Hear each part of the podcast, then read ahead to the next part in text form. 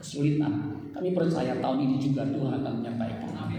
Untuk itu ya Tuhan, di ulang tahun KPBI yang ke-20 20 ini Tuhan, kami mau mendengarkan firman pesan firman-Mu Tuhan untuk kami lakukan. Kami percaya firman-Mu itu berita buat kaki kami dan terang buat jalan hidup kami. Urapi kami semua, urapi hamba. Di dalam nama Tuhan Yesus kami berdoa mengucap syukur. Haleluya. Yang percaya diberkati berkata, Amin. Tepuk tangan buat Tuhan Yesus. Silakan Shalom. Apa kabar? Luar biasa. Gongsi pacar. Belum terlambat kalau saya mengucapkan gongsi pacar. Ya, ampaunya nanti dibagi saudara ya kalau uh, angpau pasti nanti ya akan dibagi tahun ini ya di 2023 ya reward program. Nah, itu saya bisa pastikan ya kalau saudara rajin datang ya saudara yang udah menikmati ya udah tiga kali lumayan tuh saudara ya dapat voucher bisa belanja di mana pun saudara ya. Nah, puji Tuhan ya. Ada yang tahu gongsi pacal artinya apa? I hope you get rich. Ya, itu doa saudara ya sebenarnya bukan ucapan impact ya. Saya berharap kamu menjadi kaya. Ya, itu arti gongsi pacal. Siapa yang ingin kaya saudara sekalian? Pasti mau semua. Sampai orang Cina ya. Kalau nggak kaya katanya nggak abdol saudara ya. Nah, saudara pada kesempatan kali ini saya akan menyampaikan firman Tuhan yang sesuai dengan tema gereja kita. Ya bisa diklik saudara sekalian. Nah ini Rise up and be victorious. Coba katakan rise up and be victorious. Isaac, Lidah kita itu nggak biasa seterusnya. Victorious. Nah itu. Uh, padahal ada refocus gitu ya bacanya victorious. Ya. Artinya bangkit dan menjadi pemenang, jadi pemenang. Ini dua kata yang luar biasa seluruh sekalian. Wahyu pasal 2 ayat 1 sampai 7. Tolong dibantu Saudara. Wahyu 2 ayat 1 sampai 7. Saudara, nanti setelah acara potong tumpeng ibadah, kita jangan lupa foto bersama. Semua tanpa kecuali yang hadir harus foto. Tapi wajah saya nggak ganteng-ganteng amat, nggak masalah. Saya aja wajah saya biasa aja, saya foto saudara ya. Untuk apa? Untuk nanti di apa uh, laporan bahwa ada ibadah HUT KPBI yang ke-20. Nah, wajah saudara nanti tampil. Ya, kita masukkan di IG atau di Facebook. Saudara bisa lihat saudara ya. Jangan lupa foto ya saudara ya nanti Pak Andi tolong umumkan ya. Diatur ya kita foto. Yang hadir berapa Pak Isan? 53 tepuk tangan saudara sekalian. Ya. Terima kasih juga kepada Pak Jaya yang udah siapin tumpeng ya. Tumpeng ya Pak Jaya ya. Tumpeng for all untuk kita semua saudara ya. Wahyu pasal 2 ayat 1 sampai 7. Nah, King James itu memberi judul The Loveless Church. Coba katakan The Loveless Church. Susah susah ya. Artinya gereja yang tidak punya kasih. Saya waktu baca judulnya, saya kaget saudara ya. The Loveless Church. Jangan sampai kita menjadi the loveless church. Gereja itu secara komunitas bisa juga secara pribadi individu. Jangan sampai kita nggak punya love ya sehingga disebut loveless church. Kalau Alkitab ya kalau saya baca kalau orang Kristen nggak punya kasih akan Allah itu orang kebun Allah bilang hmm, apa kartu mati. Sudah tahu kartu mati? Mau dicak mana pun udah nggak bisa. Itu kartu mati balak enam ya sudah ya. udah nggak bisa dicak. Nah kita jangan sampai nggak punya kasih sehingga udah kartu mati. Ya. Nah itu nanti kaki dianya diambil sehingga nggak bisa jadi saksi karena nggak punya kasih. Begitu saudara sekalian. Ya, kita jangan sampai menjadi umat Kristen atau orang Kristen yang nggak punya kasih. Ya. Wahyu pasal 2 ayat 1 dikatakan tuliskanlah kepada malaikat jemaat di Efesus. Inilah firman dari dia yang memegang ketujuh bintang itu di tangan kanannya dan berjalan di antara ketujuh kaki dian emas itu. Nah, itu jelas ya. Kemudian ayat 2, aku tahu segala pekerjaanmu. Baik jerih payahmu maupun ketekunanmu. Jadi kerja keras di jemaat Efesus. Jemaat yang besar, ya sekarang ini ada di Turki. Ya, dan udah nggak ada lagi jemaat Efesus saat itu. Aku tahu bahwa engkau tidak dapat sabar terhadap orang-orang jahat. Bahwa engkau telah mencobai mereka yang menyebut dirinya rasul. Tetapi yang sebenarnya tidak demikian. Bahwa engkau telah mendapati mereka pendusta. Ini jemaat hebat yang bisa mengendus rasul palsu. Berarti kan punya pengetahuan yang luar biasa. Dan engkau tetap sabar dan menderita oleh karena namaku. Engkau tidak mengenal lelah. Ini jemaat yang luar biasa sebenarnya. Perhatikan ayat 4. Namun demikian, nah ini. Aku mencela engkau. Kenapa jemaat yang begitu giat, begitu cerdas, berpengetahuan firman. Namun demikian aku mencela engkau. Ini perhatikan. Karena engkau telah meninggalkan kasihmu yang semula. Jadi ayat 4 ini teguran buat jemaat Efesus. Dan saya berharap buat kita semua juga.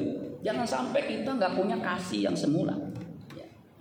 Sebab itu ingatlah betapa dalamnya engkau telah jatuh. Jadi orang Kristen yang nggak punya kasih, yang punya gairah untuk mengasihi Tuhan, itu udah dalam jatuhnya. Ya.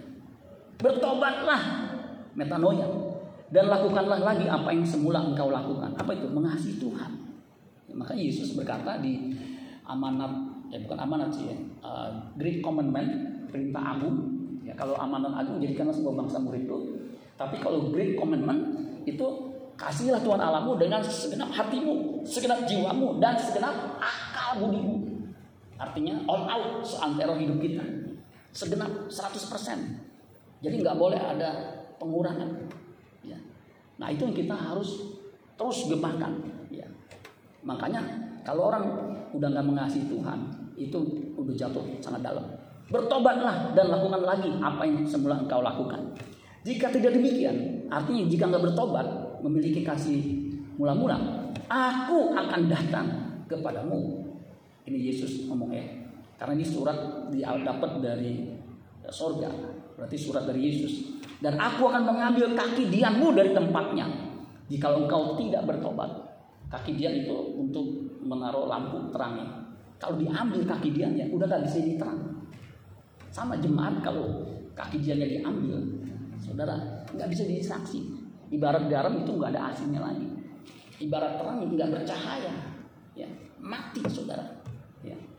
Nah, ini luar biasa nih kalau jemaat Efesus nggak bertobat dan betul saudara Kalau saudara kalau saudara ke Turki, ya di sini yang pernah ke Turki? Satu, dua, tiga, itu Tuhan dalam mimpi. Ya. Saya berkali-kali, ayo Pak ke Israel nanti mampir ke Turki, cuma 30 juta, kecil lah buat bapak ya. Saya belum dulu saudara sekalian. Di Turki udah nggak ada jemaat Efesus, lenyap. Ya. Jadi saudara hati-hati nih. Ya, jadi Kristen Kristen lama-lama begitu. Tapi tidak punya kasih semula. Ya ke gereja ke gereja, tapi nggak bisa jadi saksi. Terangnya udah nggak ada. Nyah kamu pembuat kejahatan, mengerikan. Jadi saudara sekalian ya, ini bahaya ya kalau kita nggak bertobat. Tetapi ini yang ada padamu, yaitu jika engkau mana? Jika engkau membenci segala perbuatan pengikut-pengikut Nikolas yang juga aku benci. Jadi sebenarnya hebat ini jemaat ya. Dia membenci ajaran sesat.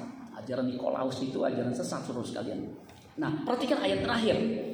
Siapa bertelinga hendaklah ia mendengarkan apa yang dikatakan roh kepada jemaat-jemaat. Yang bertelinga katakan amin. Ya, yang bertelinga bisa mendengar berarti kata budek saudara. Nah, ini dengerin. Barang siapa menang? Barang siapa apa? Nah, ada delapan kali di kitab Wahyu dikatakan barang siapa menang, barang siapa menang, barang siapa menang, barang siapa menang, barang siapa menang. Delapan kali itu berarti. Berarti ini penting. Ya, artinya siapa saja yang menang nih? Dia akan kuberi makan dari pohon kehidupan yang ada di taman Firdaus Allah. Jadi terus sekalian, kalau kita menang, kita diberi makan poh buah dari pohon kehidupan itu sehingga kita bisa hidup selama lamanya, saudara. Tapi kalau kita nggak menang, nggak dikasih makan. Kalau orang nggak makan makan nggak makan makan, mati saudara, ya, binasa. Nah saudara, tolong diklik ya. Tahun 2022 saya pernah sampaikan di umum. Itu tahun yang disebut dengan the year of prolonged uncertainty. Tahun di mana apa ketidakpastian yang terus menerus saudara. Ya. Nah tahun 2023 itu orang-orang menyebut the year of global recession. Ya. Akan ada resesi. Ya. Saya ikuti ulasan ekonomi itu betul-betul hampir semua ahli ekonomi mengatakan ada kesulitan. Ya, tapi kita bersyukur Indonesia itu masih mengalami pertumbuhan ekonomi yang lumayan diprediksi bisa 5% sampai 6% itu kan luar biasa. Sedangkan Eropa ini udah agak kecekut gitu saudara. Ya nah kita sebagai pria man of God ya, pria-pria Allah atau man of revival. Coba katakan man of revival. Artinya pria yang mengalami kebangunan rohani ya. Itu saudara harus bangkit dan menjadi pemenang. Amin saudara. Ya, nanti saya akan jelaskan apa itu bangkit menjadi pemenang. Nah tahun ini gereja kita itu mencanangkan the year of church revival. Tahun di mana gereja mengalami kebangkitan ya, dari keterpurukan. Ya, mungkin secara ekonomi kita mengalami kesulitan. Hampir semua mengalami kesulitan. Jadi bukan kita saja saudara sekalian. Ya. Orang-orang kaya saudara sekalian, waduh lebih sulit. Mereka mesti bayar karyawan, cash flow-nya nggak ada. Akibatnya jual rumahnya. Jual rumah memang kan nggak gampang saudara Akhirnya jual murah-murah. Ya, kesulitan. Ya. Nah, saudara, saya berharap kita menjadi the revival man of Christ. Jadi pria Kristus yang mengalami kebangunan rohani. Ya, mengalami kemenangan demi kemenangan. Ya. Nah, tolong diklik. Wahyu 2 ayat 7 ini bunyinya siapa bertingkah hendaklah yang mendengarkan apa yang dikatakan roh kepada jemaat-jemaat. Perhatikan apa yang dikatakan roh. Ini penting. Barang siapa menang, dia akan kuberi makan dari pohon kehidupan yang ada di taman Firdaus. Jadi barang siapa menang. Jadi artinya kita yang harus berjuang supaya menang. Jadi bukan orang lain. Ada ajaran yang mengatakan Yesus sudah menang, kita udah pasti menang. Betul, Yesus mati di kayu salib, semua dosa, hukuman dosa itu ditanggungnya di kayu salib. Yesus sudah menang. Kita pun Siapa pun dia, dosanya udah diampuni. Dosa yang dulu, sekarang, maupun yang akan datang udah diampuni. Tetapi kodrat dosa dalam diri kita, kita yang harus berjuang mengatasinya. Amin terus kan? Ya. Kalau enggak, kita jadi manusia celaka. Ya. Jangan selalu berpikir, ya udah percaya Yesus, Yesus sudah nanggung di kayu salib. Ya. Amin, amin. Tapi masih hidup dalam dosa, yakin mati masuk surga. Ini penipuan iblis. Makanya nggak heran orang punya paham seperti ini di ujung maut ketakutan sebab apa? Dia takut, dia nggak layak nih menghadap Tuhan. Ya, makanya saudara kita mesti punya ajaran yang benar. Living Bible mengatakan begini, let this message biarkan pesan ini sink into the ears of anyone who listen to what the Spirit is saying to the churches. Artinya pesan ini pesan yang penting dari Roh Kudus ini harus nancep sink into ya, masuk ke dalam Bukan hanya ke telinga, masuk ke dalam hati saudara sekalian. Ya. Apa itu pesannya? Ini. To everyone who is victorious. Siapa pun dia yang menang, I will give fruit from the tree of life. Jadi Tuhan akan memberikan buah pohon kehidupan di Taman Firdaus. Artinya kita akan tinggal di sana. Ya.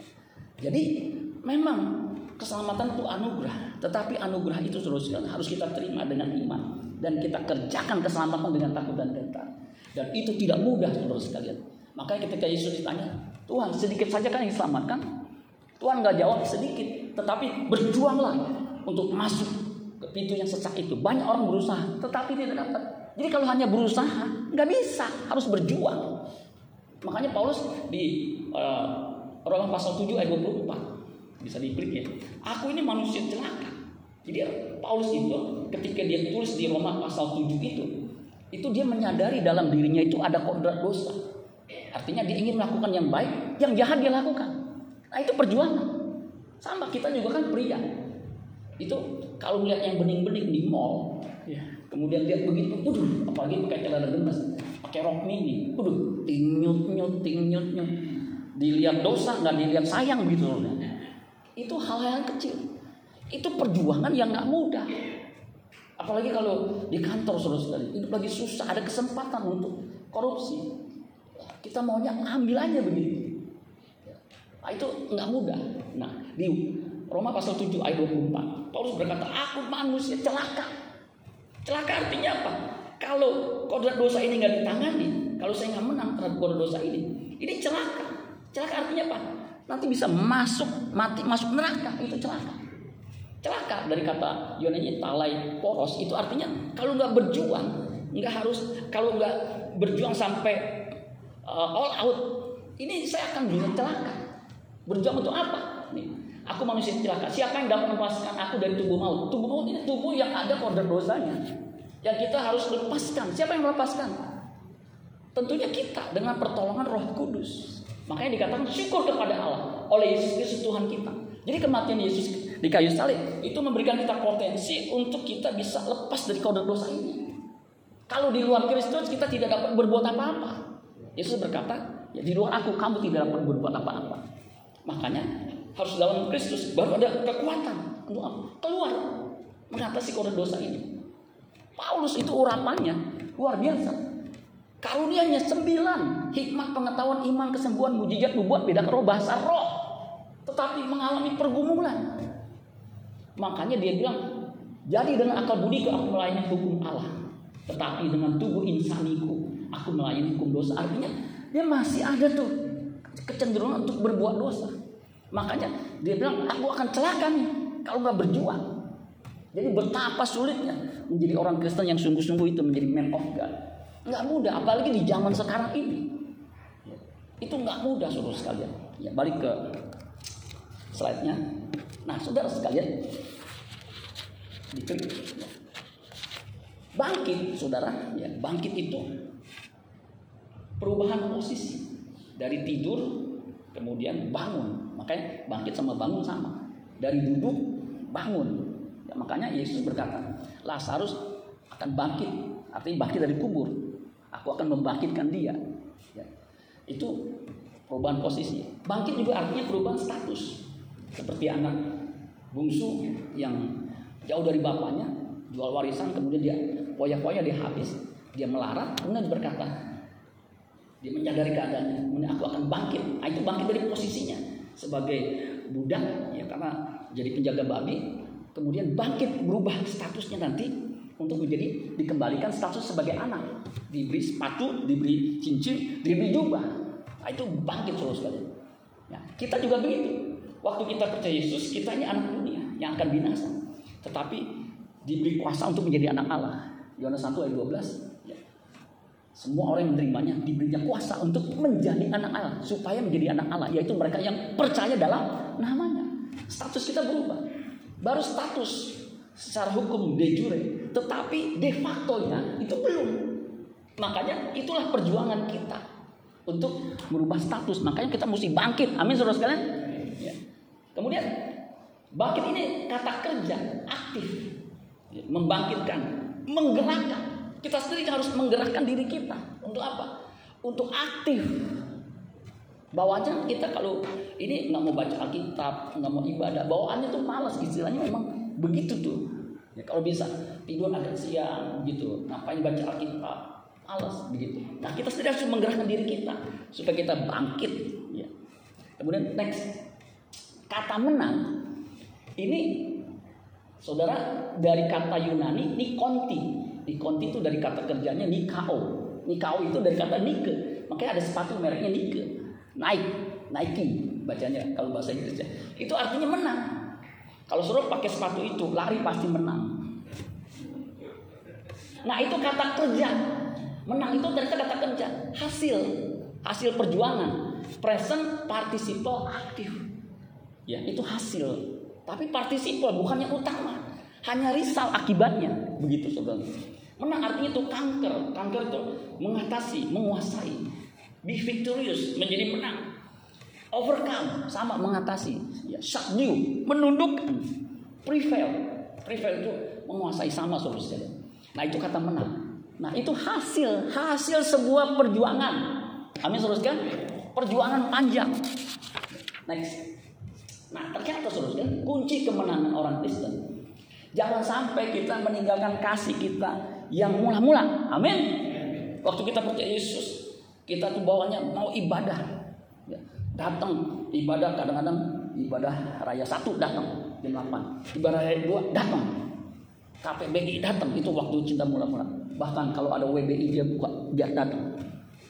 Tetapi lama-lama lama-lama di waktu, eh dia malas loh Bukan di sini suruh, di sana, di lain, di jauh ya. Nah jangan sampai kita begitu. Kita harus mengenjot diri kita untuk apa? Tetap terus beribadah. Ya. Kenapa? Kuncinya itu di situ. Kalau kita meninggalkan kita, kasih kita mula-mula, jangan berharap menang. Ya. Jelas karena engkau telah meninggalkan kasihmu mula-mula, itu dicela Tuhan. Karena itu akan menyebabkan kita kita nggak bisa menang. Kata meninggalkan kasih mula-mula, ada pen, pen, proton, apekes. Itu dari kata apekes itu apemi artinya to send, to let go, to permit, to depart, to let, to to live, let, meninggalkan. Ya kalau di WA group itu let itu dia tinggal begitu seterusnya. Nggak nongol lagi, itu let atau live. Ya. Nah, kalau kita passing kata apekes itu, kata kerja auris indikatif aktif. Artinya telah atau bahasa Inggris itu uh, present perfect. Jadi telah dilakukan, maka ada hasilnya. Sama seluruh sekalian. Untuk kita bisa menang, kita harus melakukan sesuatu. Nanti ada hasilnya, yaitu kemenangan. Yang kita lakukan apa?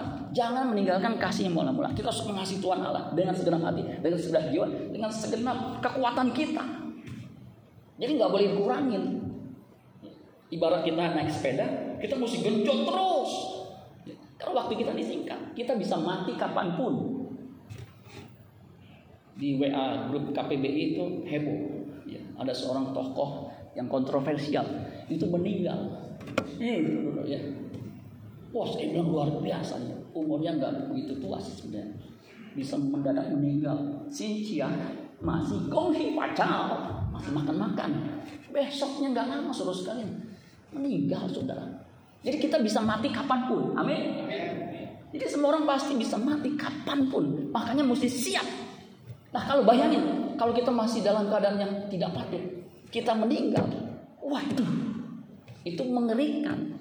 Di neraka itu, masuk neraka itu, enggak sehari dua hari, seminggu dua minggu, sebulan dua bulan, setahun dua tahun. Itu selama-lamanya. Kalau masuk penjara, kena hukuman 20 tahun. Sekarang umur 20, 40 tahun masih bisa bebas. Kecuali hukuman mati. Oh, udah nggak bisa ya saudara ya. Nah, jadi betapa pentingnya kita memiliki kasih mula-mula. Next. Nah, saudara sekalian. Rise up and be victorious. Yang pertama saudara sekalian. Untuk jadi pemenang.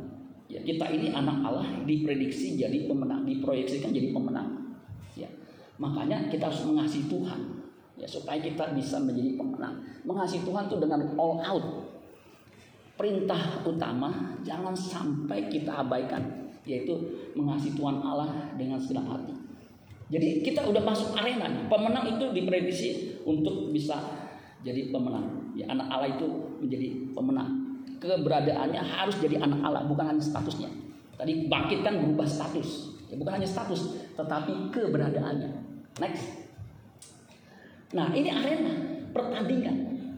Ya kalau kita baca, coba baca Pengkhotbah 9 ayat 11. Ya, waktu saya kan 30 menit, masih ada 10 menit lebih dikit ya. Pengkhotbah 9 ayat 11. Ingat aja, 911. Nah, dikatakan begini. Lagi aku melihat, perhatikan di situ. Lagi aku melihat di bawah matahari bahwa kemenangan perlombaan bukan untuk yang cepat. Saudara kan aneh kan. Dulu juga saya pikir, kok yang yang cepat itu belum belum tentu menang? Kan jelas Kemenangan perlombaan bukan untuk yang cepat. Berarti kalau lari cepat, yang paling cepat yang menang, betul nggak saudara? Makanya kalau di Senayan itu ada tuh di Gelora Senayan waktu masuk, ya itu tulisannya Sitius, Altius, Fortius. Nah, kalau saudara sekali lari pagi di Gelora itu ada tulisan Sitius itu paling cepat, Altius paling tinggi kalau lomba paling tinggi, kemudian Fortius paling kuat kalau dia ngangkat barbel yang paling kuat gitu ya. Itu dia menang. Tetapi di sini dikatakan, aku melihat di bawah matahari bahwa kemenangan perlombaan bukan untuk yang cepat dan keunggulan perjuangan bukan untuk yang kuat. Juga roti bukan untuk yang berhikmat. Biasanya orang berhikmat kaya itu bisa menguasai. Kekayaan bukan untuk yang cerdas. Dan karunia bukan untuk yang cerdik cendekia. Perhatikan, karena waktu dan nasib dialami semua. Jadi time and chance. Berarti ini perlombaan apa? Karena yang menentukan itu waktu dan nasib, time and chance, waktu dan kesempatan. Perlombaan pertandingan iman, saudara. Kalau perlombaan yang lain itu nggak wajib. Ada perlombaan adu makan banyak dan adu cepet. Pernah tuh ada di mana ya? Makan Kentucky banyak-banyakan cepet-cepetan. Nah karena makan cepet-cepet tulang nyangkut. Ya, panitia udah agak panik nih kenapa nih? Mati di tempat. Kelolodan kalau bahasa Betawi. Nah, itu kan perlombaan yang nggak wajib. Miris saudara sekalian. Ya. Nah, artinya ini perlombaan apa? Bukan untuk yang cepat, bukan untuk yang kuat. Tetapi dia katakan waktu dan nasib yang menentukan. Karena akan dialami semua. Ini pertandingan perlombaan iman. Ibrani pasal 12 ayat 1 sampai 4. Kita baca di situ. Jadi ini yang harus kita masuki supaya kita bisa mengalami kemenangan dan kemenangan ini menentukan kita di kekekalan. Makanya suruh sekalian, ini menjadi perjuangan kita seumur hidup. Nggak bisa setengah-setengah. Kita harus serius, all out.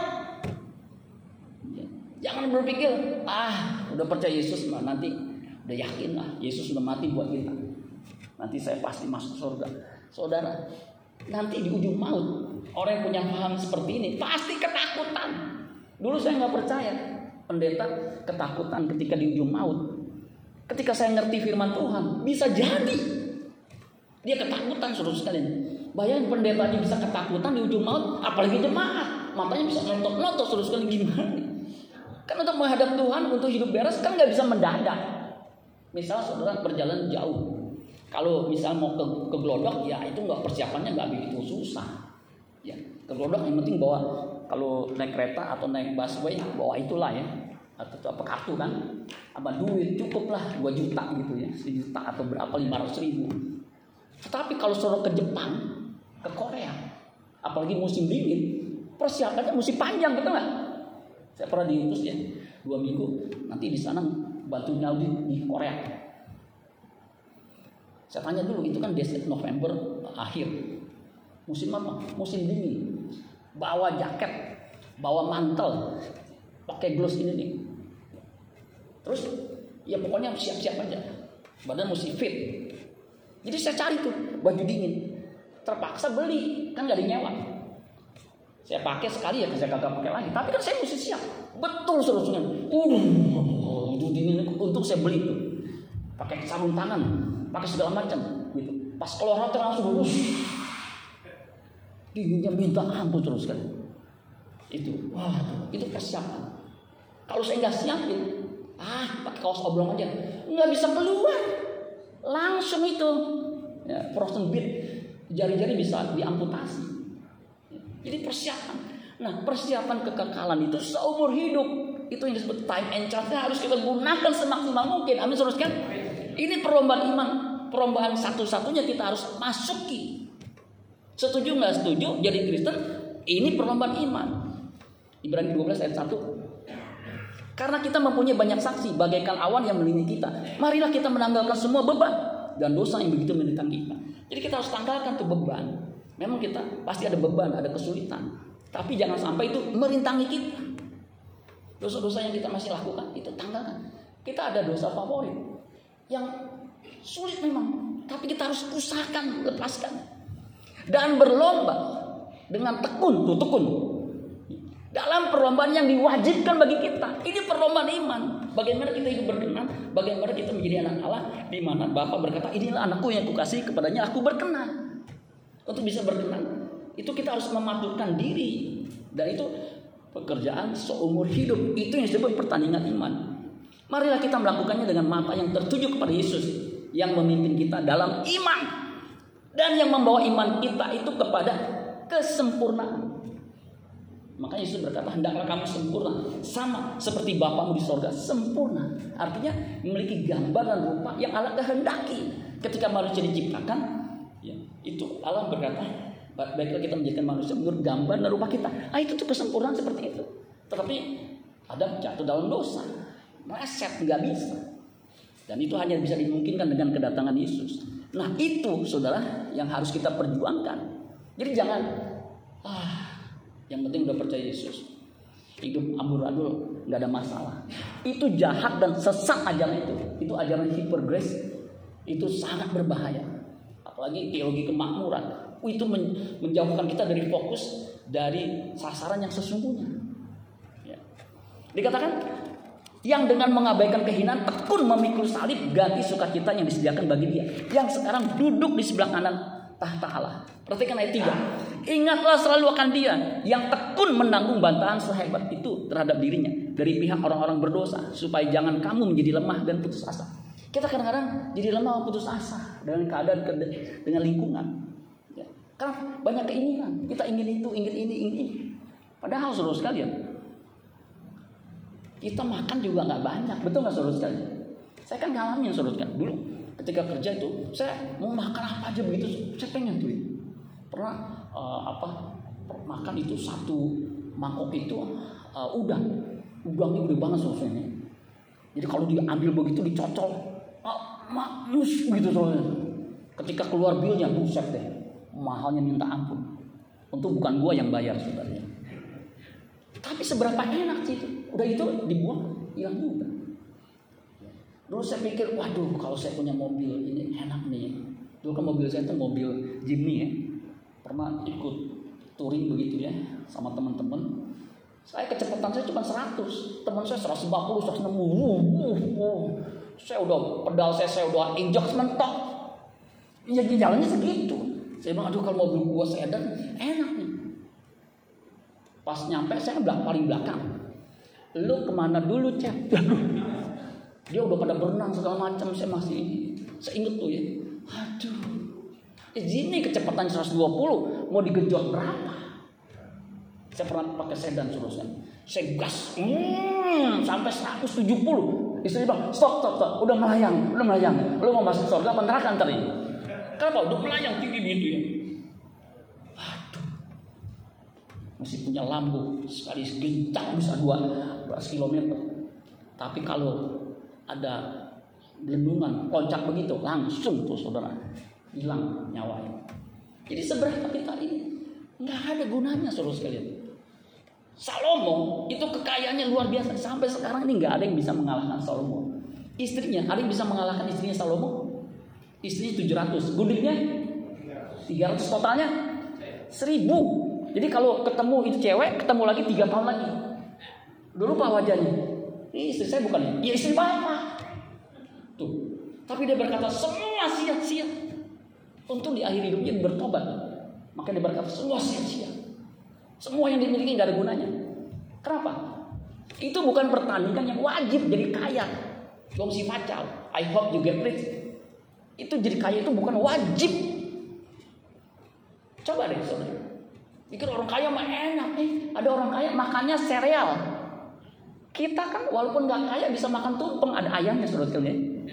Nanti Pak Bilbus tolong potong tumpeng ya. Kasih sambutan potong tumpeng. Pak Jaya udah siapin udah biasa sebenarnya. Kita makan tumpeng aja udah enak. Ini makan sereal. Orang kaya hartanya triliunan. Hidupnya begini. Mendingan kita, betul nggak saudara? Ada yang lebih miris lagi saudara. Dia di ICU. Memang ICU kan ada yang VIP ya. Itu bagaimana bisa nikmati masuk dari itu makanan mana enak betul nggak saudara? Kan makan enaknya dari mulut betul nggak? Misalnya babi ambo ketika kita kecap ada ada lemaknya ah itu kan di mulut betul nggak? Coba suruh makan melalui hidung rasanya gimana babi ambo? Pasti nggak enak.